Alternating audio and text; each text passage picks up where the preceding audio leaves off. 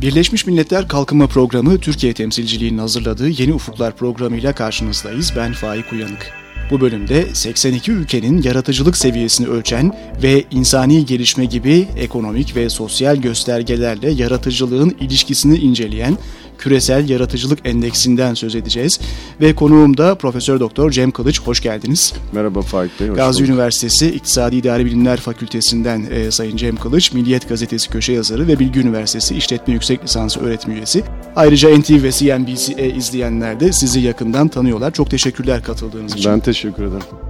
Şimdi bu raporda bahsettiğimiz küresel yaratıcılık endeksi ve raporunda 82 ülke e, için hesaplanmış olan bir evet. endeks söz konusu. Üç tane temel unsur var. Yetenek, teknoloji ve tolerans. Yani evet. yeni fikirlere açık olma. Bunları Olma. ölçüyor. Ülkeleri bunlara göre kıyaslıyor. Şimdi günümüze baktığımızda modern ve gelişmiş küresel ekonomilerde teknoloji, inovasyon, bilgi, insani sermaye artık giderek önem kazanıyor. Bunların hepsini besleyen de aslında yaratıcılık. Evet. Yani o katma değeri yaratan faktör.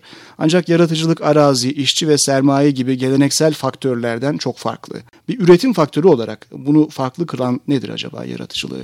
Şimdi yaratıcılık tabii doğrudan beşer bir unsur. Yani emek unsuruyla çok alakalı bir kavram. Yaratıcılık dediğiniz zaman biraz önce saydığımız bu endeks içerisinde kullanılan üç tane temel unsur var. Bunlar yetenek, teknoloji ve tolerans. Bunlar çerçevesinde baktığımız zaman yaratıcılık tabii ki yetenekle birlikte şekillenen ama doldurulması gereken bir alan. Neyle doldurulacak bu alan? Tabii ki eğitim ve doğru bir planlama ile doldurulması gereken bir alan. Doğru bir planlama konusunda hemen şunu söyleyeyim. Ne ifade ettiğini e, dinleyicilerimize aktaralım. Eğitim projeksiyonları. Türkiye mesela bu yaratıcılık listesinde bir takım rakamlar vermiştim ben o yazımda. Yetenek endeksinde 59, yaratıcılıkta 68, insan kaynağı yani yüksek eğitim almış insan kaynağı açısından da 52. sırada. Yani bu rakamlar 82 ülke arasında bu sıralama çok hiç de hoş değil, değil çok evet. iç açıcı değil. Dolayısıyla biz burada yaratıcılık içerisinde eğitim planlamasının olmamasını o doldurulması gereken alan olarak görüyoruz. Eğitim projeksiyonlarının yapılamaması. Şöyle bir örnek vereyim yani çok işi tekniğe boğmayalım. E, bakın bugün e, ben de akademisyenim, üniversitede görev alıyorum. Benim görev yaptığım ana bilim dalı çalışma ekonomisi e, bir bölüm olarak zaten var. Biz bundan 20 yıl önce bu bölüm kurulurken yaklaşık 6 bölümdük Türkiye'de. Şu anda yaklaşık 40'a yakın bölüm var. Peki bu kadar çalışma ekonomistine, sendikacıya, çalışma yaşamı uzmanına ihtiyaç var mı Türkiye açısından? Bence yok. Bakın o dönemde sendikalaşma oranıyla bu dönemdeki sendikalaşma oranına baktığımızda sendikalaşma geriye bile gidiyor. İnsan kaynakları ayrı bir alan olarak ortaya çıktı. Oraya yönelelim dedik. Ama orada da zaten yeterince e, o alanı dolduracak uzman var. İşletmeciler, endüstri mühendisleri vesaire var. Yani buradan bu örnekten şuraya gelmek istiyorum. İyi bir eğitim projeksiyonu yapılmaz ise basma kalıp çok rutin, alışılagelmiş eğitimler üzerine giderseniz buralardan mezun ettiğiniz insanlar gelecekte herhangi bir şey üretemiyor. Yani her şeyden önce planlama gerekiyor, gerekiyor insan kaynakları Her şeyden önce kendi alanlarında çalışmıyorlar. Ben bugün e, birçok banka şubesine girdiğim zaman bankadaki e, işte veznedeki arkadaştan MT'ye kadar öğrencilerime rastlıyorum. Oysa ki biz hiç finans dersi vermedik. Bazıları emlakçılık bile yapanlar var. Yani çok değişik gruplarda iş görenler var. Bu şunu gösteriyor. Yani biz niye başarısız belli. Eğitim projeksiyonlarımız Okuduğu yok. alanda çalışanların sayısından tabii, da belli herhalde tabii. değil mi? Şimdi Kanada'da Rotman İşletme Okulu'na evet. bağlı Martin Refah Enstitüsü. Siz e, yazınızda da bahsettiniz evet. Milliyet Gazetesi'nde. 2004 yılından bu yana 82 ülke için bu endeksi yani küresel yaratıcılık endeksini hesaplıyor. Doğru. Aslında yaratıcılık ölçümü herhalde çok kolay olmayan bir Değil. şey olsa gerek. Bu endeks nasıl hesaplanıyor? Ee, siz nasıl buldunuz hesaplama yöntemini ve ülkelerin durumuna baktığınızda sizin çıkarımlarınız neler oldu? Şimdi burada bu ben Kanada'da bir müddet kalmıştım. Bu Rotman İşletme Okulu'nu bilirim. Onların e, linkleri vardı. O linkleri takip ediyorum sürekli. Çok güzel böyle faydalı bilgiler veriyorlar. O linkleri böyle dolaşırken aslında gazetede kendime bir konu ararken ne yazacağım bu hafta derken o linklerde buna rastladım. Ve oradaki bir arkadaşımla yazıştık. Bana detayları gönderdi. Ben de onun üzerine kaleme aldım. Dediğiniz gibi yaratıcılığı, yeteneği neyle ölçeceksiniz? Yani somut değer değil aslında. Soyut kavramlardan bahsediyoruz. Ama şunlara bakıyorlar. Yüksek öğrenimde ne kadar kişi var? Eğitim alan insanlar aldıkları eğitim içerisinde mi e, ya da o alanda mı çalışıyorlar? Bunun dışında bu PISA biliyorsunuz önemli bir ölçüm aracıdır. PISA'daki durumumuz ölçüm. nedir ona bakıyorlar. Farklı kategorileri var. Yani ben o yazıda Niyetteki o yazımda bunların derinlemesine girmedim, ölçüm yöntemlerine girmedim ama çok farklı unsurlara bir arada bakıyorlar. Genç işsizlik oranınıza bakıyorlar mesela. Çok önemli ölçüm kriterlerinden birisi. Türkiye genç işsizlik alanında hakikaten yüksek oranlara sahip. Geçen gün İLO'nun rakamları da açıklandı.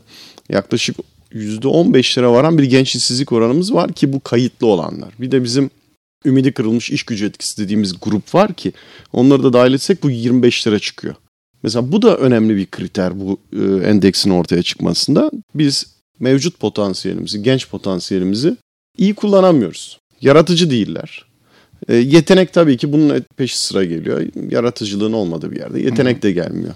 Konuyu aslında şimdi ben başa döneceğim. Biraz da bizim normal eğitim sistemimizle, örgün eğitim sistemimizle ilişkilendireceğim. Şimdi ilkokul, ortaokuldan başlayarak bence basma kalıp bir eğitim sistemi içerisine giriyoruz. Üniversiteye gelen öğrencilerimizden görüyorum. Bir konuyu ele almak, onu detaylandırmak, oradan bir analiz yapıp senteze ulaşmak konusunda son derece kısır ve en azından hiçbir kabiliyetlerinin olmadığını görüyoruz. Son sınıfa doğru bunu geliştirebiliyor öğrenciler. Ama bugün bir Amerika'daki ilkokula gidin, ilkokula giden bir çocuğa çevre sorunları hakkında bir makale yazması söyleniyor onu sunum olarak göstermesi söyleniyor gibi. Yani bunları çeşitlendirebiliriz ama bizim özellikle ortaokul ve lise seviyesindeki eğitimlerimiz ezber üzerine dayanan, çocuğun fikirlerine, yaratıcılığını ortaya çıkarmayan bir yapıda. Bu da bu sonuca neden oluyor. Dolayısıyla Türkiye'nin 82 ülke arasında yetenek açısından evet. 59. yaratıcılık Hı-hı. açısından 68. olması evet. sizi diğer endekslerle de kıyasladığınızda şaşırtmayan bir durum olduğunu anlıyoruz. Kesinlikle. Bugünkü sohbetimize e, görüş ve önerileriyle katkıda bulunmak isteyen dinleyicilerimiz Yeni Ufuklar etiketiyle Twitter üzerinden bizlere görüşlerini aktarabilirler bu arada. E, raporda yer alan başka bir sıralamada hocam e, yaratıcı sınıf sıralaması. Yaratıcı sınıf ekonominin tüm sektörlerinde Hı. yer alan yaratıcı iş kollarında çalışanları evet. kapsıyor. E, Türkiye'de iş gücünün %21'e yakın olan bir kesimi yaratıcı sınıfı oluşturuyormuş. Bunu öğrendik. Yaratıcı sınıfın toplam iş gücündeki payını artırmak için ne yapılması gerekiyor acaba? Bir defa ARGE çalışmaları çok önem taşıyor.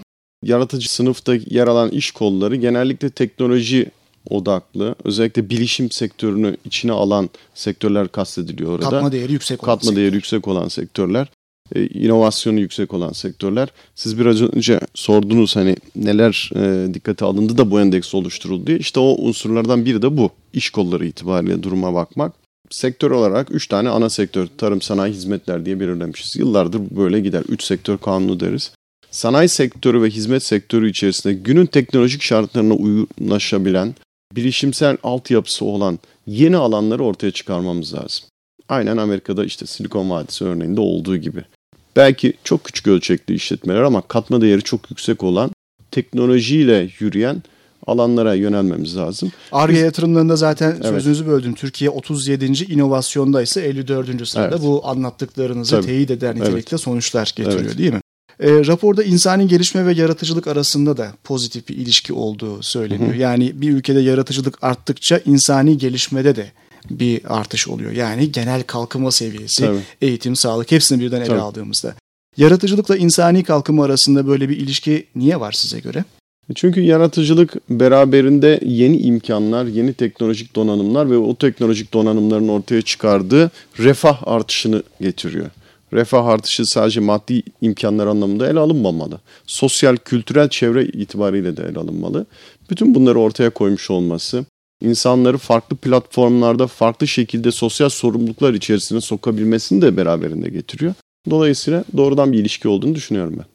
Çok teşekkürler Sayın Cem Kılıç programımıza katıldığınız için. Ben teşekkür ederim. Konuğumuz Gazi Üniversitesi'nden Profesör Doktor Cem Kılıç'tı ve kendisiyle e, Martin Refah Enstitüsü tarafından 2004'ten bu yana hesaplanan küresel yaratıcılık endeksinin son rakamları hakkında konuştuk ve Birleşmiş Milletler Kalkınma Programı UNDP Türkiye temsilciliğinin hazırladığı Yeni Ufukların bu haftalıkta sonuna gelmiş oluyoruz. Programı Ankara Üniversitesi İletişim Fakültesi Radyosu Radyo İLEF'te hazırladık.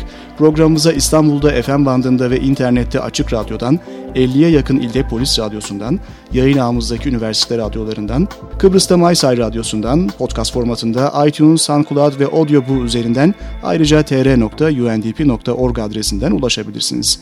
Sosyal medya üzerinde kullanıcı adımız UNDP Türkiye. Tekrar görüşmek dileğiyle, hoşçakalın.